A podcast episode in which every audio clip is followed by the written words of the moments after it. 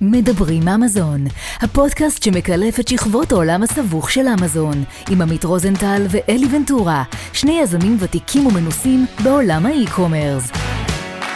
בואו נצא לדרך. ברוכים הבאים לפרק מספר 40 של הפודקאסט מדברים אמזון. אני אלי ונטורה, איתי עמית רוזנטל. הפודקאסט שלנו בחסות רוזנטל לוגיסטיקה, המלווה יזמים ועסקים בכל שלבי שרשרת האספקה ומציעה פתרונות שילוח מתקדמים בעולם ה e-commerce ואמזון בפרט. ואני רק מזכיר לכם שאת הפודקאסט שלנו אפשר לשמוע בספוטיפיי, גוגל פודקאסט, אפל פודקאסט ולראות אותנו בערוץ שלנו ביוטיוב. צהריים טובים, עמית רוזנטל, מה קורה? מה המצב, אלי? תזכיר איזה מספר פרק, אולי לא שמעתי טוב. פרק 40, אני אוהב פרקים עגולים. וואו, וואו, בואנה, אנחנו מתקדמים בצעדי ענק לאנשהו, לא? לגמרי. תכלס מרגש. כן, קיצור, אה, אני בטוב, אה, שבוע שעבר היה פחות טוב, אבל השבוע יותר טוב.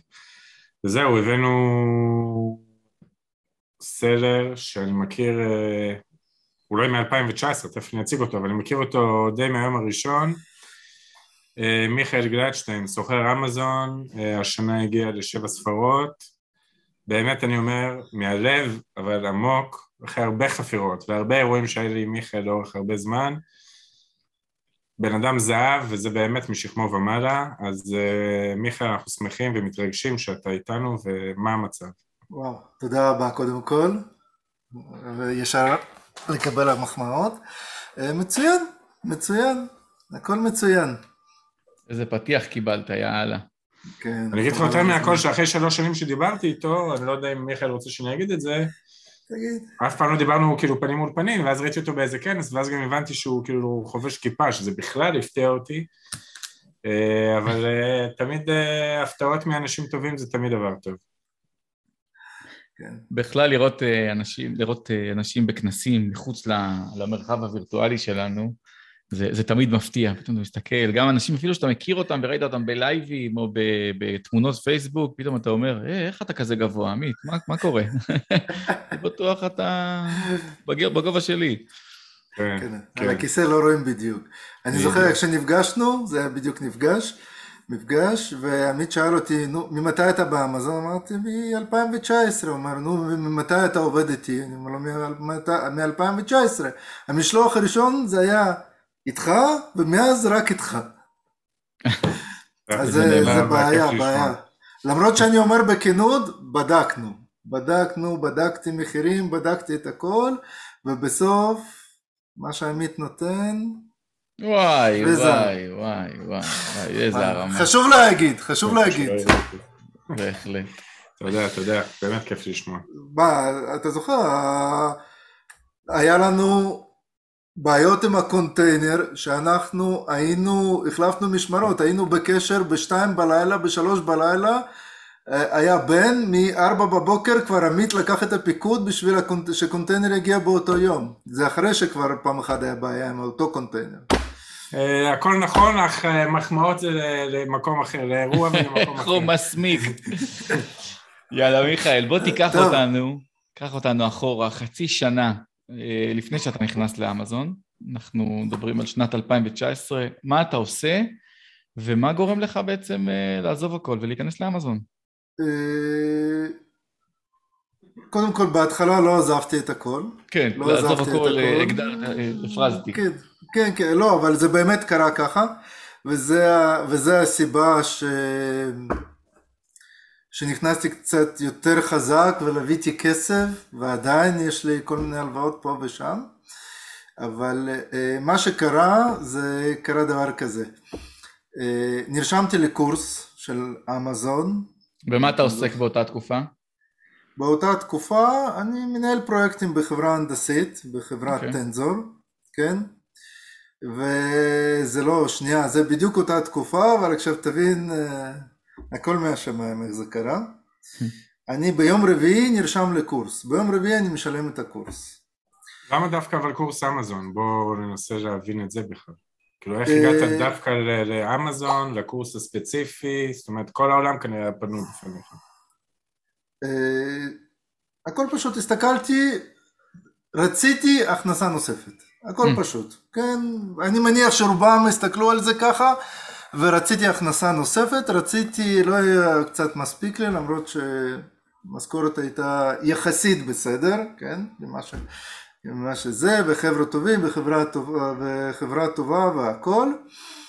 ועוד אין קורונה, אל תשכחו, 2019 אנחנו בלי קורונה עדיין. והסתכלתי איפה אני יכול הכנסה נוספת, אה, אז בגדול, בגדול, היה לי, הסתכלתי על שלושה דברים, על נדל"ן, על מניות ועל אה, אמזון, אה, ועל אי-קומרס, ובאי-קומרס מהר מהר מהר מאוד הגעתי לאמזון בגלל השיטת FBA, כן? שאין לך כאב ראש של הלוגיסטיקה כי אני קצת מכיר, עבדתי אצל, לפני שזה, עבדתי כמנהל מכירות בחברה די גדולה פה בארץ, וכאב ראש גדול זה לוגיסטיקה, אז היו לי שלושה אפשרויות. אמ, במניות יש לי חבר שלא מתעסק, אבל הוא מבין במניות, אז עזבנו את זה. בנדל"ן, גם עכשיו, דרך אגב, למרות כל הפרסומים, זה נראה לי קצת יותר מדי מסובך, או mm-hmm. צריך השקעה יותר, יותר גדולה, כן? חשבתי שבאמזון מספיק עשר אלף שקל, אני אומר בכנות, כן? Mm-hmm. ב-2019, כן? אני מבין שאתה מחייך.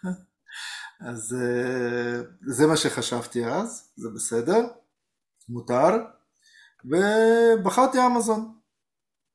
אז ביום רביעי, אני עד עכשיו זוכר את זה, ביום רביעי נרשמתי לקורס ורציתי, התחלנו ללמוד, ביום שישי הבן שלי שירת בגבעתי, הוא היה בן עשרים, לא שחררו אותו, נסענו עם משפחה לטיול, נסענו עם משפחה לטיול למוצב הכי הכי צפוני שם, לא, לא הכי צפוני אבל על הגבול, חגגנו עם כל הפלוגה יום הולדת, על האש וזה, בחזרה כשחזרנו רצינו לטייל קצת ולראות מה זה שדה אבוקדו, הלכנו, דרכתי על עץ, זה הסיפור, העץ היה לא... נתן לי מכה בחזרה, זה השכיב אותי במיטה לחצי שנה.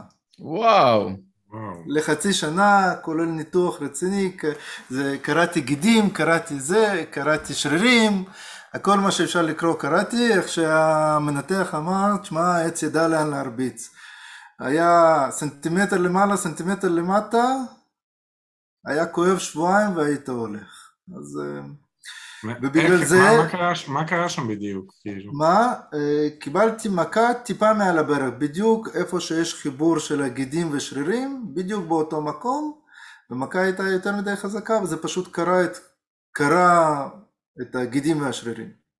לא היה שבר. ומסתבר שזה הרבה יותר מסובך מאשר שבר. וזה בסדר. וזה השכיב אותי במיטה. עכשיו, מצד אחד זה לא טוב, מצד שני זה היה טוב כי נכנסתי, ראיתי את כל השיעורים וזה, ועל הדרך, מה לעשות, גם פיטרו אותי, כן, כי לא הייתי, לא הייתי, זה לא היה עבודה מהבית, אז uh, החלטתי שאני נכנס הכי חזק שאני יכול, ובפעם הראשונה הבאתי שלושה מוצרים לאמזון ב-2019, כולם ממשחקים, אה, והבאתי שלושה מוצרים, אה, הייתי בקורס, היה לנו 180 אנשים. וואו. כן, זה, אם אתם זוכרים, זה היה קורס של יעקב, היה יעקב כזה פעם? אה, קורס הצעצועים של יעקב גוטמן. בדיוק, קורס הצעצועים של יעקב היה לנו גוטמן. מישהו שהיה בקורס הזה, אתה זוכר עמית? אחד המרואיינים. סיפר על השיטה. כן, כן, כן, כן. אה, אחד אני יודע מי זה יעקב גוטמן, אבל כאילו ניסיתי לזכר מי הבן אדם. אני... אז היו כמה וכמה חבר'ה, אה, אומר בכנות, כן? הסתכלתי על השיטה, ובגלל שהתעסקתי קצת עם מכירות לפני זה, וניהול פרויקטים זה גם היה כולל מכירות והכל, הבאתי לא בדיוק לפי השיטה של יעקב, וזה הסיבה mm-hmm. שכנראה שבחודש הראשון באמזון הרווחתי, אני עד עכשיו זוכר, הרווחתי קצת יותר מ-10 אלף דולר, אבל אחרי זה, בתחילת ינואר, יורד לך את ה... את העמלה של ה... לא, אה, את, לא, את המהלך של האחסון. Mm. ואז בסופו של דבר זה היה באזור 9,000 נטו אוקיי. רווח, והייתי מאוד מאוד מרוצה. אני רוצה לשאול רגע משהו קטן על הדבר הזה. כן.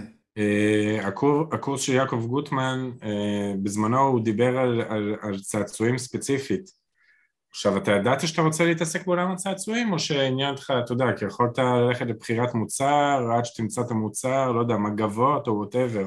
לא, לא, לא. ספציפית לא. צעצועים היה איזשהו עניין, או שבאמת במקרה... לא. הכל- במקרה, במקרה, דרך אגב, כשנרשמים לקורס, הוא, עד כמה שאני זוכר, הוא כן דיבר שזה כיוון צעצועים, אבל זה לא היה קורס שמיועד ליבוא צעצועים, זה היה קורס של אמזון, ואנחנו בוחרים את הנישה שהכי קל והכי זה והכי כדאי, וכל השיטה שלו הייתה בנויה סביב צעצועים וסביב השקה של צעצועים בתקופה החמה.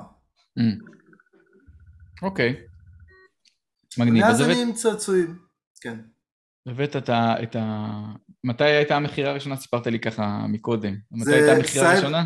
ס- מכירה ראשונה זה Cyber Monday 2019. עד כמה שזכור לי, זה שני לדצמבר, אל תתפסו אותי במילה, אבל זה בטוח היה Cyber Monday. זה כשהמוצר היה כבר זמין, וזה היה בגדול, זה היה באיחור. היינו צריכים להביא את זה חודש לפני זה, ואני קצת התעכבתי גם עם גיוס של כספים, כי לא היה לי כל כך כסף זמין, עם גיוס של כספים.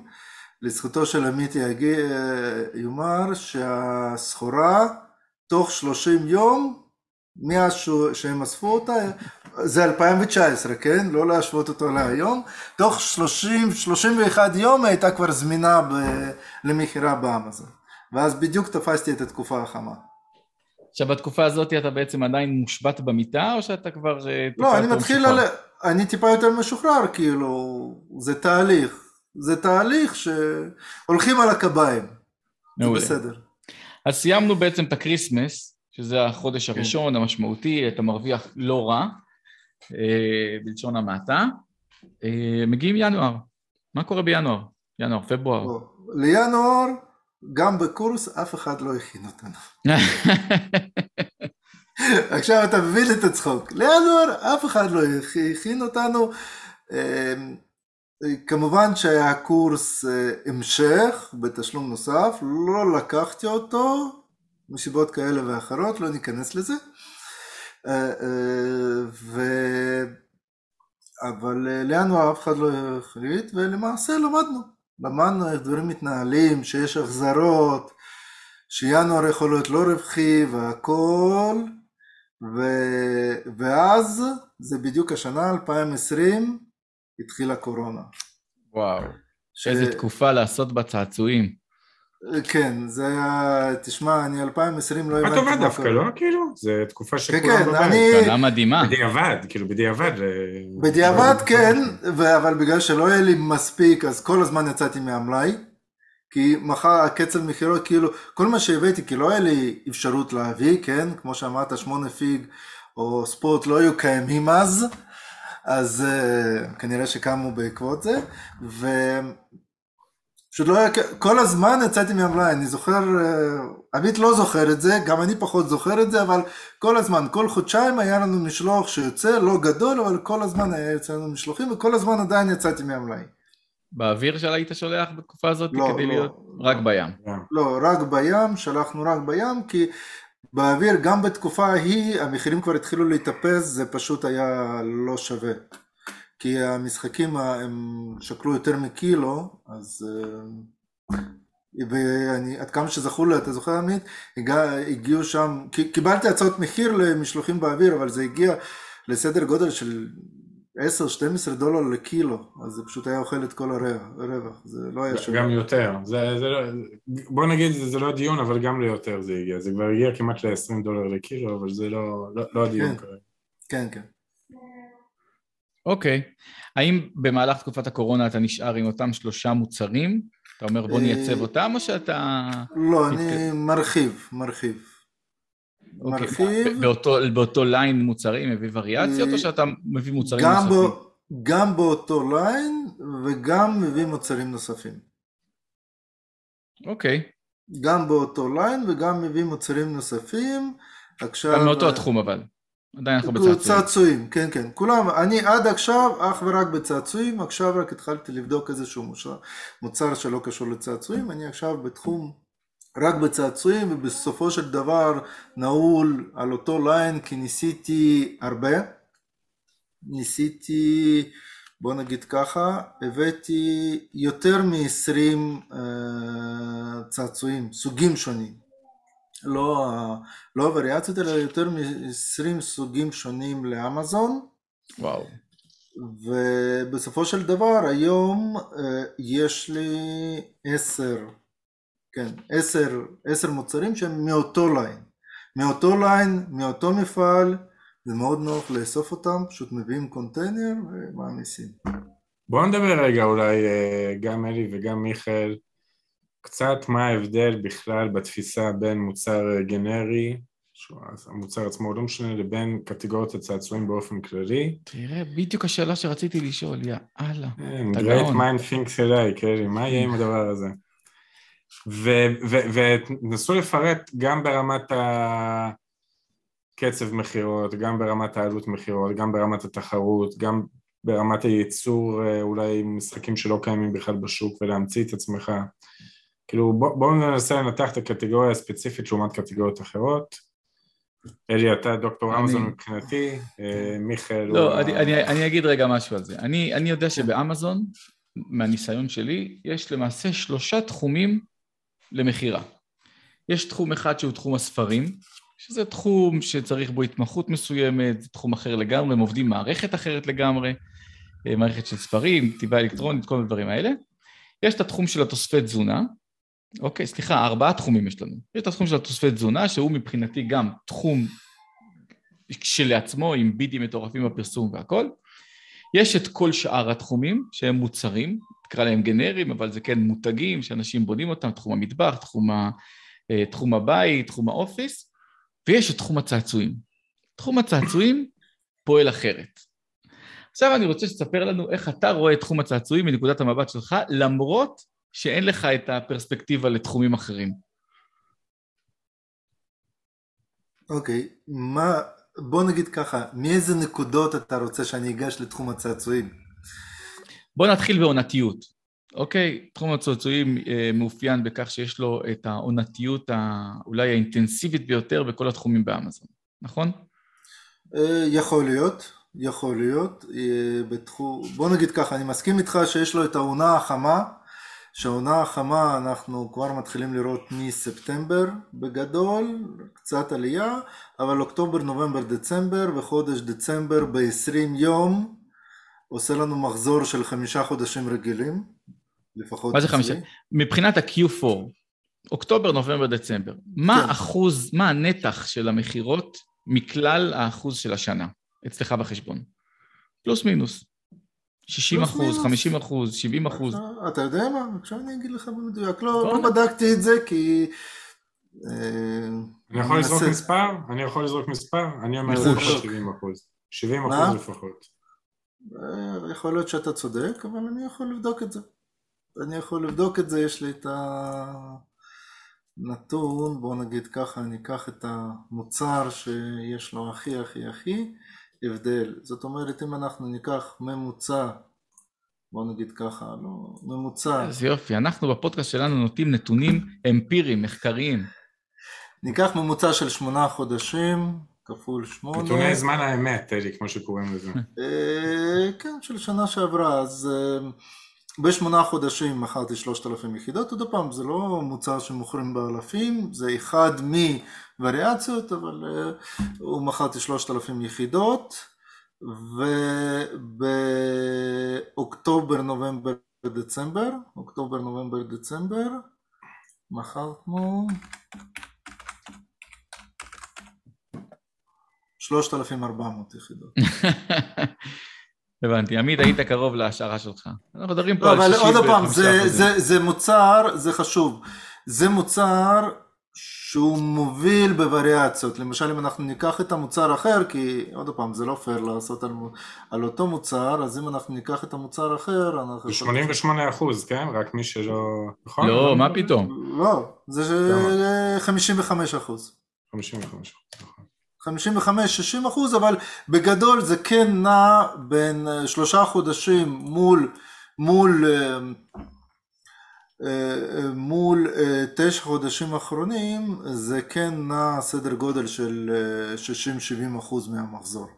אוקיי, okay, אז עכשיו בוא נדבר, מה זה דורש ממך?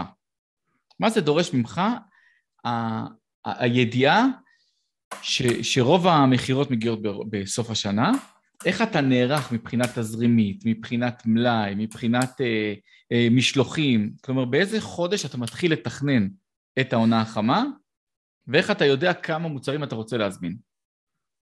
אוקיי, okay. אז אני אגיד לך בכנות, כן, שלא, למרות בכנות. שאני שלושה, חוד... שלושה שנים באמזון, עוד אף פעם לא פגעתי.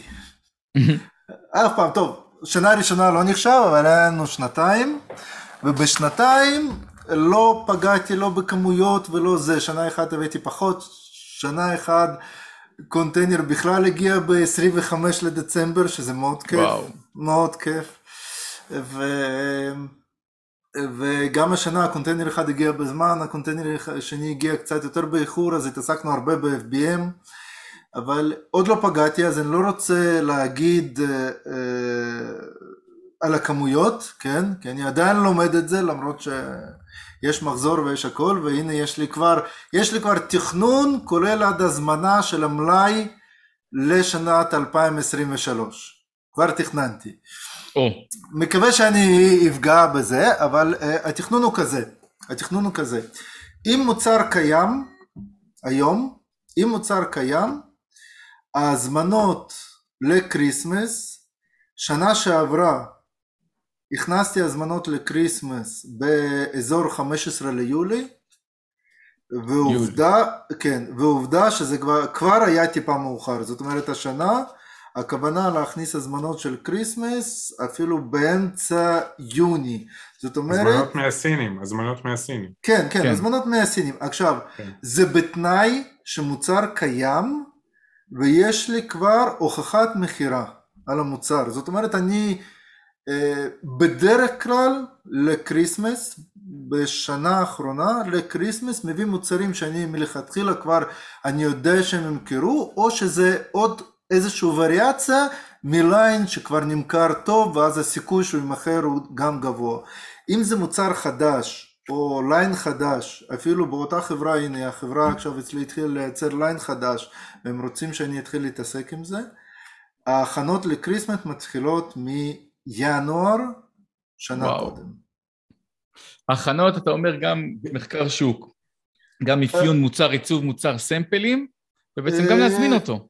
אני, אה, בוא נגיד ככה, בגלל שאני עובד עם אותו מפעל וזה מפעל ברמה גבוהה, לא ניכנס, כן, זה מפעל שמוכר בעצמו עם ה brand שלו מאוד חזק באירופה, ובגלל זה אני לצע, בינתיים לא נכנס חזק לאירופה, אני בעיקר בארצות הברית כי שם הוא חלש, ואני כבר לא מזמין סמפלים, זאת אומרת אני כן מזמין סמפלים אבל במקביל עם הזמנה רגילה. לא זה, אני כבר יודע מה האיכות, יודע מה זה, יודע מה הפיצ'פקה שיכולים להיות, בדרך כלל מתקנים אותם כבר לפני, כאילו זה ברמה גבוהה, אז פחות מעניין אותי סמפלים מבחינת האיכות, אבל כן מעניין אותי, בוא נגיד ככה, זה המפעל הזה. לפני שנה הזמנתי שלושה מוצרים חדשים לא מאותו מפעל, אז בהחלט, קודם כל סמפלים הביתה, לבדוק שזה עובד, לבדוק שזה נראה טוב, ורק אחרי זה. זה הסיבה, זה הסיבה שמתחילים להתכונן מינואר. מינואר... איך מבצעים מחקר שוק לדבר הזה? זאת אומרת... אה, אה, מה כאילו איך מצליחים להגדיר מי זה השוק שלך ואיך מבצעים מחקר שוק אם אין משחקים דומים או כאילו מה, מה, מה הפעולות שנדרשות שם בדומה ובשונה נגיד למוצרים גנריים אחרים. זה נכון, כי אני, אני רק אחדד את השאלה של, של עמית. כאילו אתה, אתה עושה מחקר שוק, אה, אבל אתה לא יכול לעשות מחקר שוק על מה קורה היום, בפברואר, במרץ. אתה עושה מחקר שוק שאתה כן צריך להסתכל על מה עושה המוצר הזה או מה הוא עתיד לעשות בדצמבר, נכון? אה, תיאורטי, כן. אבל זה קשה. קודם כל זה לא קשה, יש לנו הליום, ואתה mm-hmm. יכול לראות בהליום את כל השוק ואת כל זה. אה, לי יש גישה טיפה אחרת במוצרים חדשים. אוקיי, okay. מה הגישה שלך? זה נשמע הזוי, אבל אה, זה טיפה אחרת. אני מחפש נישה, אני מחפש נישה שיש לה מכירות טובות. מבחינתי מכירות טובות זה מוצר שמוכר עשר, אה, עשר ביום, זאת אומרת 300 בחודש, בנישת משחקים. מבחינתי זה מוצר טוב, וכן, אני לא מתעסק עם מוצרים פחות מ... אפילו פחות מ-25 דולר למכירה, אני מתעסק דווקא ב-level טיפה יותר גבוה, 40-50 דולר, זה מה שמעניין, ומחפש, ומחפש מוצר, ומחפש מוצר ש... שדומה, או שנישה שיש לה ביקוש, כן, שיש לה ביקוש, שיש לה כמה מילות מפתח, שיש להם search volume די גבוה, למרות שבאמזון זה לא תמיד מראה. Mm-hmm. שזה search volume אורגני, כי מסתבר שגם אמזון יודעת להכניס volume, search volume לא אורגני, יש לי מילה כזאת אחת בנישה, אז... אבל אה, בוא נעזוב אותה, אה, ו... אה, ומסתכל שיש משחקים. עכשיו, יש לי קשר טוב עם בחור סיני, כן? לא יודע, התחברנו ביחד, אני שלוש שנים איתו, שלוש שנים 80% מההזמנות הולכים איתו עד כדי כך שה, שהליין של מוצרים שאני עכשיו מזמין, אה, אני, ההזמנות הראשונות עשיתי ישירות דרך מפעל, במפעל היה קצת יותר מרובע, ואז שאלתי אותו כמה הוא רוצה אם הוא יטפל לי, הוא אמר אני רוצה 3%. מה זהו, זה בחור, זה, זה סוכן sourcing? הוא, הוא לא סוכן sourcing, הוא, הוא, הוא עבד בחברה שעשתה כמו trade company, כמו trade company. אני, אם אתה רוצה, אני אספר לך כמה דברים על ה trade company, כי אנחנו כבר נהיינו חברים, שולחים מתנות, הוא היה אמור, אה, הוא היה אמור להיות פה בארץ במרץ 2020. בחור סיני? סיני, וואי. כן. הזמנתי אותו אה. כי... כי בדיוק כמה חבר'ה מהקורס התחברו דרכו ועשו איתו הזמנות והוא איך אומרים בעברית? מותק של בחור. אז אני, אני סומך עליו, הוא מכיר את השוק, ומה שאנחנו עושים, מה שאנחנו עושים, אנחנו רואים את הנישה, ואנחנו מחפשים מוצר חדש לאותו נישה, בשוק הסיני. עכשיו, אה, הוא מומחה למשחקים, הוא מומחה למשחקים. חוץ מזה שיש לו משפחה גדולה, שהאחות שלו עובדת במפעל אחד, הבן דוד שלו הוא שותף במפעל אחר וכל זה, אז בגדול אה, לפעמים אני יכול לקבל באץ' ראשון, באץ' ראשון זה הזמנה ראשונה מאותו מפעל של אותו משחק. ועשינו את זה כמה פעמים, בסופו של דבר עזבנו את המוצרים האלה לא בגלל שהם היו לא רווחים אלא בגלל ש...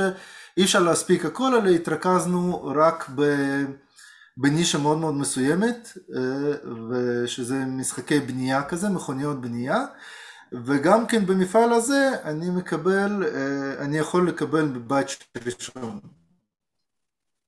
בית ראשון זה הזמנה ראשונה של אותו זה, כשהם יוצאים לייצור המוני. אה, אז זה הכיוון שאני מסתכל, אני יכול להביא דוגמה, יש, היה מוצר, יש מוצר כזה, אה, יש מוצר כזה אה, כמו מטוס שבפנים שמים כל מיני מכוניות, כן? Mm-hmm. זה, זה, וזה משחק מעניין והכל, ואז, אה, ואז במפעל, לא זוכר באיזה מפעל, אבל הוא שלח לי שיש מפעל שמתחיל לייצר את אותו מטוס, אבל במשחקים הרגילים זה רק מטוס עם מכוניות של כאלה דייקוסט, אה, הם מתחילים לייצר שהמטוס עצמו הוא גם יהיה לו שלט ויהיה לו מנוע ואפשר לשחק איתו. אוקיי. Okay.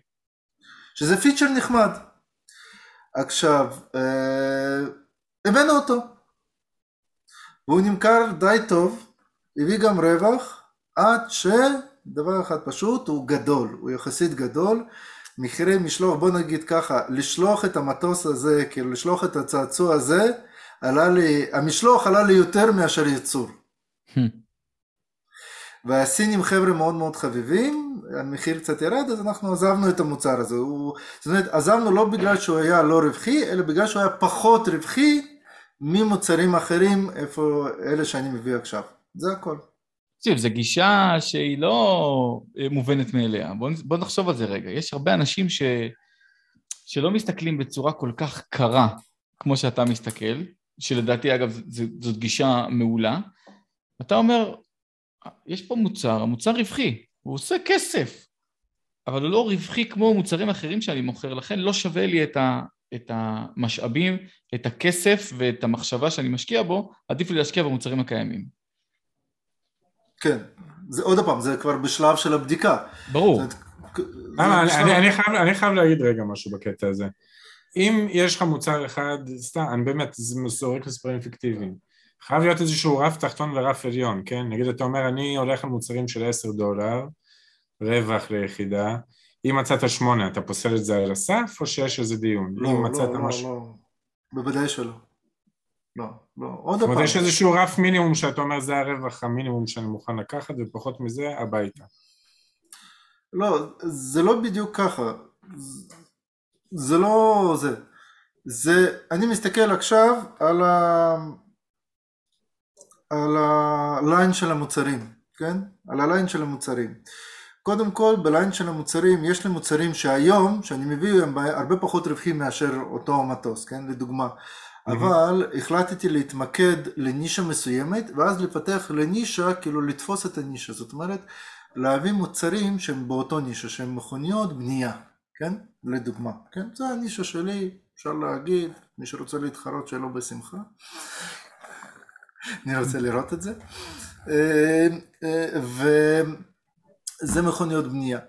עכשיו, אז אה, באיזשהו שלב הבנתי שלחרוק על כמה נישות שהם אפילו דומים או זה, זה קצת בעייתי גם מבחינת ניהול PPC, אני מנהל לבד את כל ה-PPC, אה, גם מבחינת ניהול מוצר, אה, למרות שדוגרי הניהול מוצר, אני לא יודע איך אחרים, אני חושב שאצלי הוא דבש.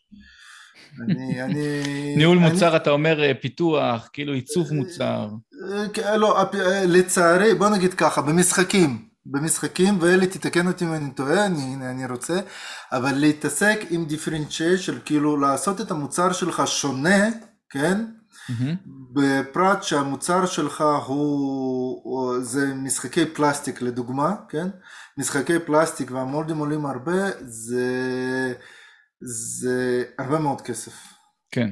לייצר ו- מולד חדש זה... במ- במשחקים, במשחקים, במשחקים, במולדים, אה, לא ראיתי הרבה אנשים שיצרו משהו שונה לגמרי ממה שמייצרים, אה, מייצרים, אה, מהמוצרים אה, הגנריים. לא- כן, כמו מוצרים גנריים. עוד פעם, זה לא תמיד בדיוק מוצרים גנריים, כן? כי לדוגמה, אני לוקח ממפעל מסוים, כן? אז, אה, ויש מפעל אחר ויש מפעל אחר, אז יש הבדל ביניהם.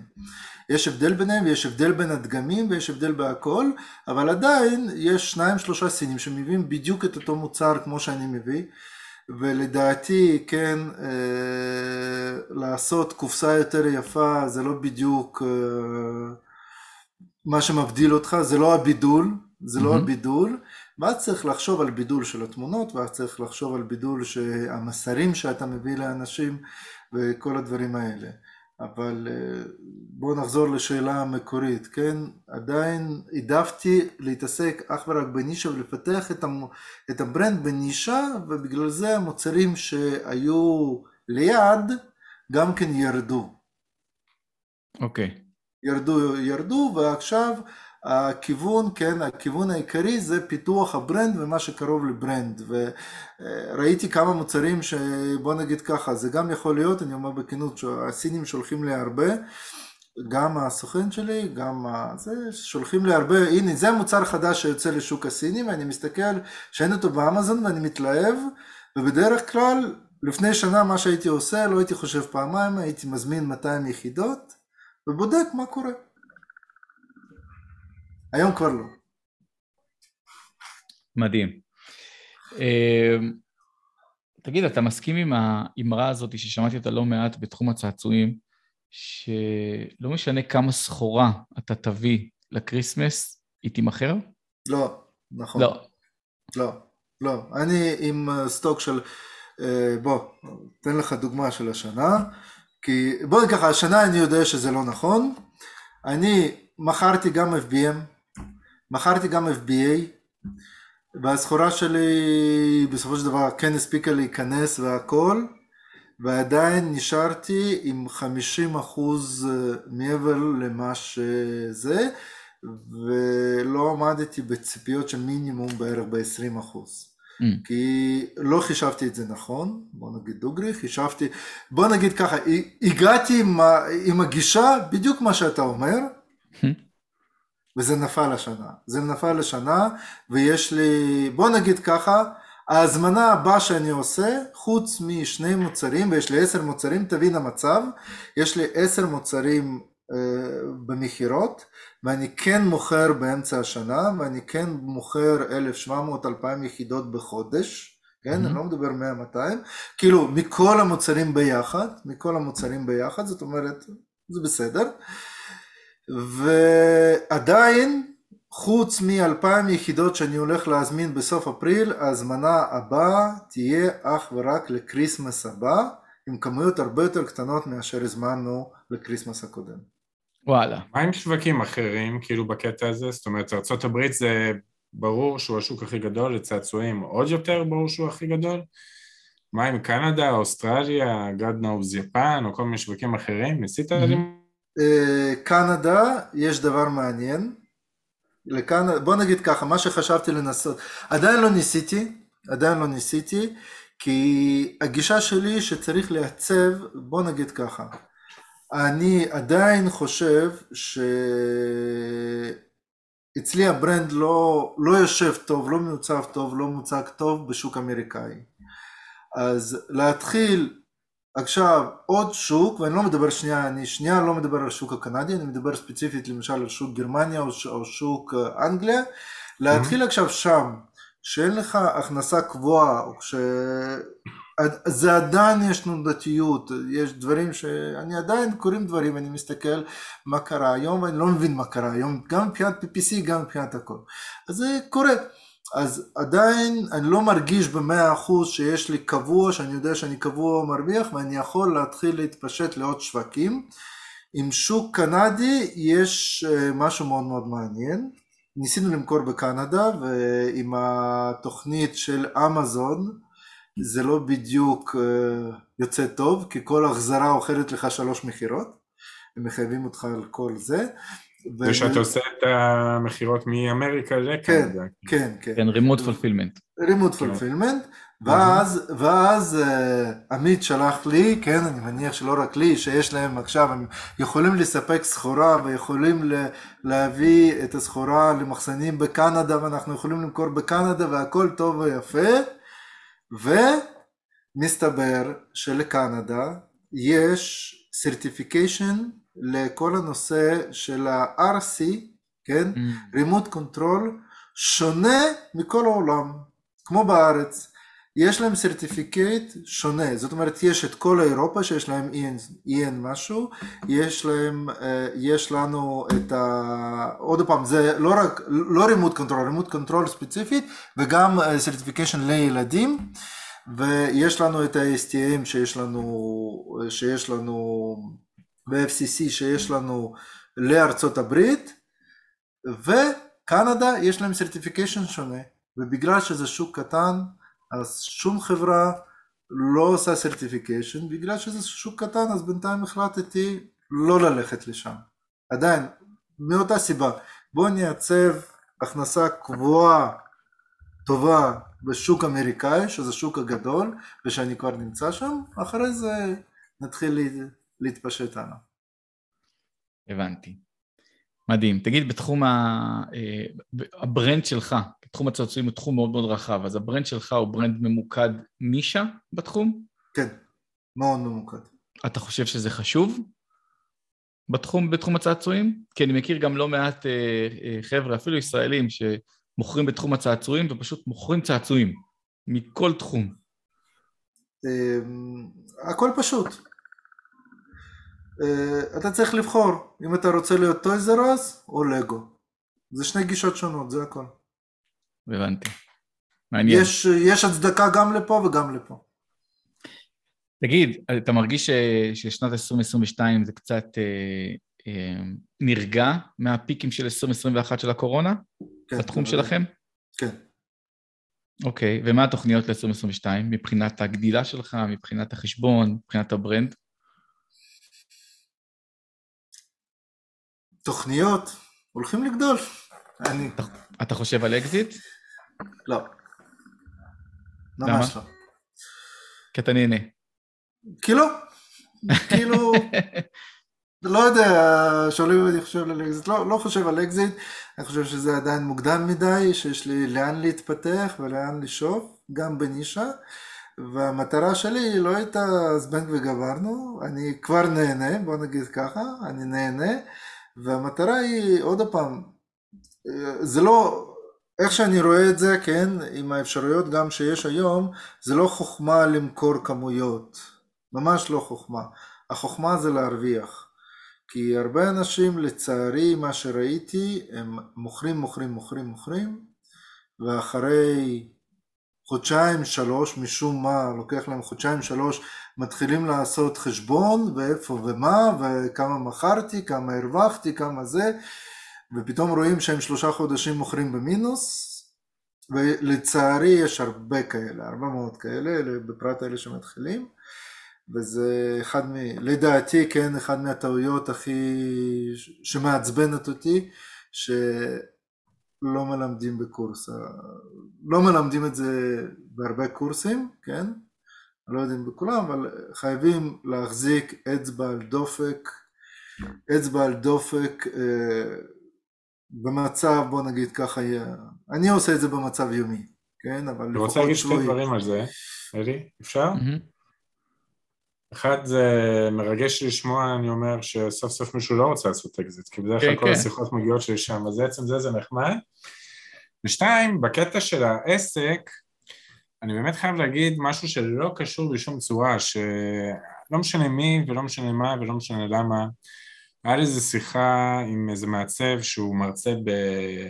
בש... בשנקר, שגם אשתי למדה שם עיצוב פנים, והם לומדים ארבע שנים, קוראים באמת את החור של התחת, סליחה על הביטוי, ורק אבל דברים תיאוריות של עיצוב, לדעת לנהל עסק שקשור בעיצוב, אין אפילו כאילו מילה אחת על הדבר הזה, ואז הוא אמר לי, זה הסיבה למה אני לא רוצה להיות באקדמיה, כי כאילו, התיאוריות זה דבר נחמד, אבל בסוף עסק, יש לו, הוא עסק מספרי והוא פרקטי. אם זה עסק שהוא לא מרוויח, זה עסק שהזמן שלו והיכולת שלו להחזיק מים מעל הראש היא, היא אפס.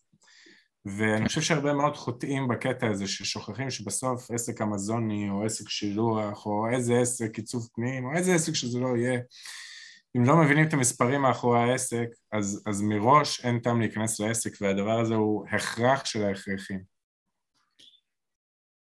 מסכים בהחלט. Uh, מיכאל, היום אתה מנהל את העסק בעצמך לבד, או שיש לך עובדים, VAs? לבד. לבד, לבד, 100 אחוז? 100 אחוז לבד. מדהים. כמה שעות אתה עובד ביום בממוצע? זה, לא יודע. חצי מהשעות אני מסתכל בכל מיני סרטונים ביוטיוב, כולל סרטונים של אלי. אז... התשובה היא מיכאל כמה שצריך. צריך כמה שצריך. כמה שצריך, כמה שצריך. תשמע, יש דברים שאני פחות מחבב, ואני עדיין כמעט ולא מתעסק עם זה, למרות שלקחתי, אני אומר בכנות, לקחתי ליווי עם ירדן רוט, כן? אל כל הנושא של מדיה חברתית וזה, ו... בינתיים היא צריכה להכריח אותי לעשות דברים בסיסיים, כן? זאת אומרת, זה, זה, זה מה שקורה, זאת אומרת, תבין, אנחנו רק עכשיו, יש לנו ערוץ אינסטגרם, רק עכשיו פותחים את הפייסבוק, רק עכשיו יהיה לנו אתר שופיפיי, זה לא שלא היה אתר, היה אתר, יש אתר בוויקס, אבל פותחים את זה כעוד ערוץ של מכירות, איזשהו מכירות ואיזשהו, מה שכולם דיברו שנה שעברה, על כל הנושא של ה... קבוצות, בפייסבוק, האנשים מסביב הברנד, אז לדוגמה בברנד שלי זה אצלי בינתיים לא קיים, וזה, אבל אנחנו הולכים לגדול, אז לדוגמה זה קצת מקרטע אצלי, אז אולי בסופו של דבר כשיהיו רווחים קצת יותר גבוהים, זה מישהו אחר יתעסק עם זה בעסק, בברנד, אבל לדוגמה ב-PPC אני מאוד מאוד אוהב להתעסק, ובוא נגיד ככה, יש לנו מומחים בתחום, כן? אתה בטח, אלי, אתה בטח מכיר כמה, mm-hmm. נכון? יש לנו, תשמע, יש לנו את ה-on, שיש לכם קורס משותף. Mm-hmm. כל דבר, כל מילה שאון אומר, צריכים לשמוע, לצערי. בוא'נה, הפרק הזה מלא בקרדיטים, אתה שמת לב כמה פרסום בכלל עושה? היה לי שיחה היום עם מישהי לגבי PPC, אני לא רוצה להגיד מה היא אמרה, אבל... אני אומר לך, תשמע, זה שוק פרוץ להבנתי, בוא נגיד את זה ככה. תשמע, אני... אני לא מדבר על שמות עם אף אחד, לא אומר כלום. אני מדבר בארץ, כי בחוץ לארץ אני פחות מכיר, יש אנשים, זה גם כן צריך להתחבר, כן? אבל יש שני אנשים, סליחה אלי, כן, אבל לא אתה, זה און, כן? ושי ונציה, כן? שי ונציה ואון וכל מילה, זה... מדהים. אני, שני האנשים האלה אני לומד וכן עושה לבד. אני חשוב להגיד, כן, זה לא שאני לא עושה טעויות, כן, אני עושה טעויות ולפעמים, ולפעמים מישהו בודק ואומר, תשמע, אבל יש לך פה מילת מפתח עם 100 קליקים עם אפס המרות, למה לא סגרת אותה? אז קורה, קורה, לא סוגר. אבל לרוב אני מצליח ומצליח בכמה שיטות והכל ויש לי גם דעה מאוד מאוד קשוחה בנושא הזה, בנושא של PPC ו-Reviews ושירות לקוחות. אה, מי שלא מתעסק עם זה, לפחות בהתחלה, בחצי שנה או שנה ראשונה של המוצר שלו, הוא מפסיד. Mm. כי הוא לא מכיר את הקהל שלו, הוא לא מכיר מי קונה את המוצר שלו, מאיזה מילות מפתח קונה את המוצר שלו, ולמה קונים את המוצר שלו, ואחרי זה פשוט, וזה ההבדל הגדול בין סינים למה שיכולים לעשות אחרי שעושים את ה-PPC ואחרי שקוראים את ה-reviews ואחרי שעושים את, ה... את השירות, כן, פשוט עונים לכל האימיילים שמקבלים, אה, אפשר פשוט לחדד את המסר בתוך התמונות. ואז נכון שזה לא פוגע ב-100% אבל זה יפגע ב-60% למי שנכנס לך, הוא רואה את המסר והוא מבין שהמסר בדיוק מדבר אליו. ולא המצאתי משהו, כן? זה פשוט לקחתי מדברים הרגילים, כן? מה... מהמילות מפתח, מ-reviews וממה שאנשים כותבים וממה שאנשים כותבים באימיילים. תראה מה זה, זה גולת הכותרת לדעתי של הפרק הזה. כי הרבה אנשים מהר רצים ל-agencies ורצים להביא VAs כדי לייעל את הדברים, ואני מודה ומתוודה שגם אני דוחף הרבה אנשים עם משפט של do what you do best, outsource the rest. Okay. כן, אתה אומר okay. כן. לי, בוא, ברגע שתעשה הכל בעצמך, ואני מאוד מתחבר לזה, כי אני עושה המון דברים עדיין בעצמי, אבל לא מספיק אמנם, לא, לא כמוך, אבל ברגע שתעשה דברים בעצמך, תענה על שירות לקוחות בעצמך, תקרא את ה-reviews ותבקש אה, סקירה של reviews, תעשה בעצמך PPC, אתה תדע הרבה יותר מכל המתחרים שלך, ואתה תהיה הכי חד ותדבר ללקוח בשפת, בשפת, אה, בשפה שלו, בדיוק איך שהוא מדבר, וככה תוכל למכור לו בצורה יעילה יותר. תשמע, אה, בוא, בוא נחדד, כן? זה לא שלעשות הכל בעצמי, כן? למשל, כן? הנה דוגמה, אה, זה, זה. אה, יש דברים שהם לא קשורים למוצר, הם קשורים למה שקורה מסביב למוצר, הנה לוגיסטיקה. ויש הרבה פעמים אנשים בקבוצות שואלים, או באיזה, מה המספר קונטיינר שלך, או באיזה אונייה הקונטיינר נוסע, או מתי זה, אני אומר לו, אין לי מושג. Mm. אני, הנה, זה המפעל, זה התאריך שצריך לאסוף, הנה עמית, קח את זה, תביא את זה. אין לי מושג איך זה עובר באמצע. שואלים אותי, האם האונייה עושה עצירה או לא עושה עצירה? אני אומר לו, אין לי מושג, אני לא יודע. זה לא מעניין אותי. זה לא עוזר לי למכור יותר. Mm. אז אתה, אתה אומר, אתה מתרכז בדברים שעוזרים לך למכור יותר. זהו, זה, זה החלק החשוב. עכשיו, לוגיסטיקה, אז חשוב שהיא תהיה בזמן. חשוב שהיא תהיה בזמן, ויש בן אדם שדואג לזה, אז למה להיכנס לכל הפיצ' אוף כסף ולכל הפרטים? אז אה, זה לא בדיוק... Uh, תעשה הכל לבד, כן? אני בסופו של דבר לא נוסע לסין ומעמיס את הארגזים במפעל לתוך הקונטיינר, כן? כן. יש, יש גבול. אבל מה שכן עוזר למכור, מה, מה שכן עוזר להבין את הלקוחות, אה, או מה שכן עוזר באיזה מילות מפתח ה- ה- הדברים נמכרים, ואני אתן, אני אתן לך דוגמה פשוטה, עכשיו זה יהיה הכי מעניין. אה, יש מילה kit ויש מילה סט, נכון? מהמם, אתה מסכים איתי שזה מאוד מאוד דומים וכמעט אותו דבר? נכון, לדעתי, כן? כן, יפה.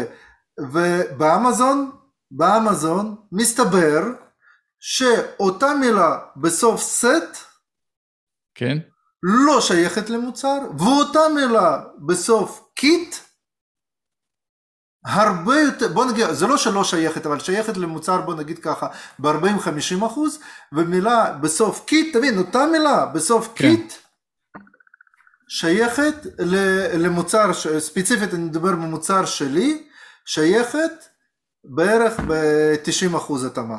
ובהתאם לזה ההמרות. ודוגרי, אני אומר לך בכנות, אני שנה חשבתי הפוך, שסט זה מה שכן ו kit זה לא. וואו, ואם וואו. לא רואים את הנתונים, אז אתה מבין, זה מאוד מאוד דומה. אני רוצה להגיד משהו מה, כאילו, מהנקודת מבט שלי, אני אספר לכם איזה סיפור, כן? ספר לנו סיפור. כשהגעתי לעבוד בחברה, אז אח שלי בזמנו אמר לי, עמית, שמע, קח שנה, זה אוקיי, אנחנו חברה משפחתית וזה, זה לא אותה סיטואציה, כן? אבל קח שנה, תעבור בכל המחלקות פה. שלושה חודשים תעשה יבוא, שלושה חודשים תעשה ייצור, שלושה חודשים תעשה כספים. לא שאני אתעסק בזה בסופו של דבר, אבל שאתה מכיר את העסק שלך, מה, סליחה, מהשורשים שלו, קורים שתי דברים בסופו של דבר. אחד, אי אפשר לעבוד עליך, זאת אומרת, אתה יודע בדיוק מה קורה, חווית כל דבר, אתה יודע, זאת אומרת, לא יכול על איזה סיפורים שאתה לא מכיר, שזה דבר אחד.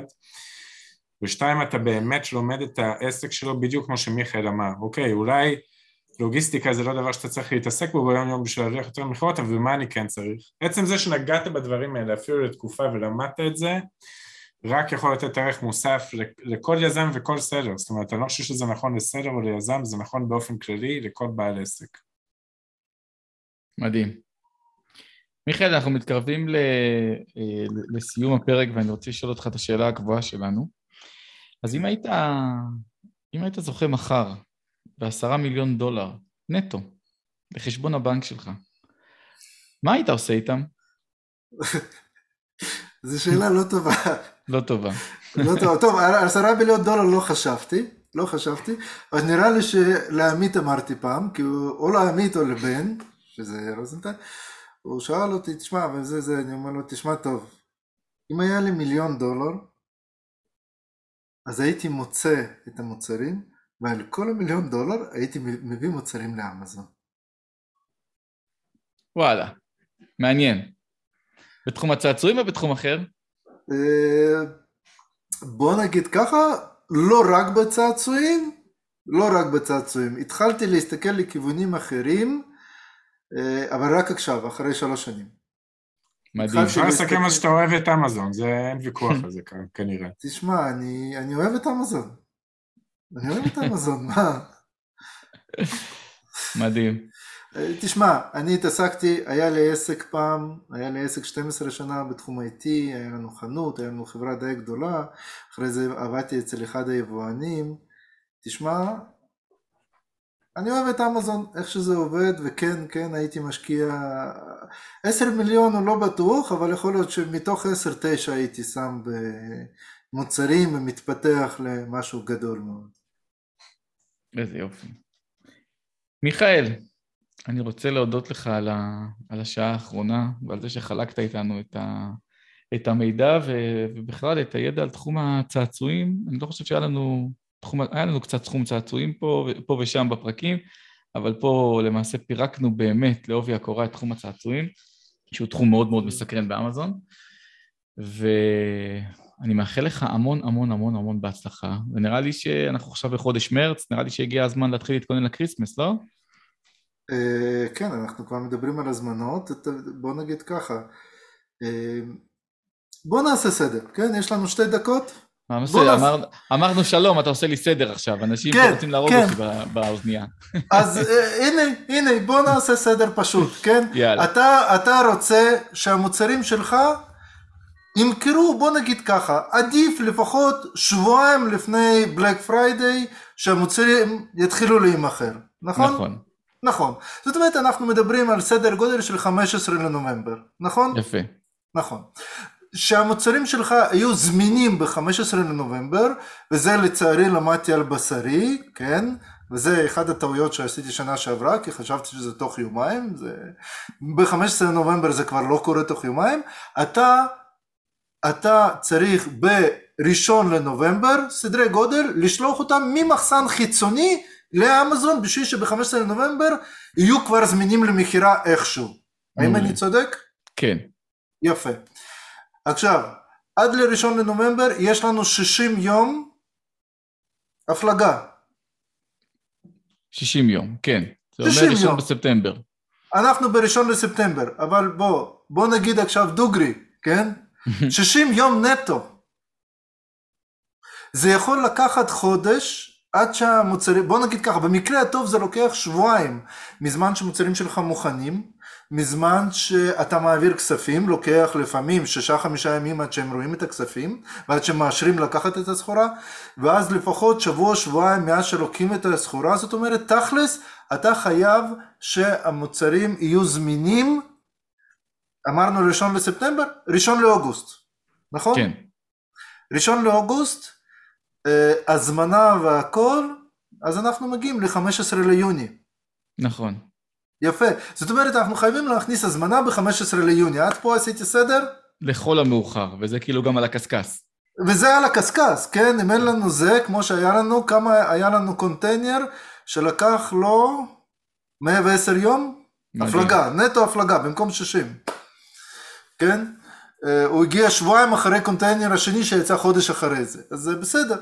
אז, אה, וזה על הקשקש.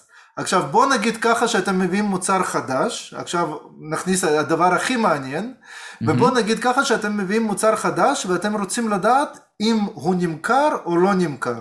טוב. כן, זאת אומרת אתם חייבים לפחות חודש למכור אותו כבר באמזון לפני 15 ליוני בשביל להכניס הזמנה גדולה. מדהים. נכון או לא? כן, זאת אומרת הוא חייב להיות זמין, בואו נלך עוד פעם אחורה, זמין, זמין ב- למכירה ב-15 למאי, שזה עוד רגע, עוד שנייה וחצי. שזה אומר שאתם צריכים לעשות הזמנה שלו בינואר. וואו. אז מת... אה, למוצר חדש מתכוננים למכירות Christmas מינואר, מדהים. ולמוצר לא חדש מאמצע יוני. מיכאל, תודה, תודה, תודה, תודה רבה על הזמן. שיהיה המון המון המון בהצלחה. תודה. אה, יאללה, שיהיה שבוע נפלא. שבוע נפלא. בהצלחה לכולם. בהצלחה. ביי, שבוע טוב. ביי ביי. ביי.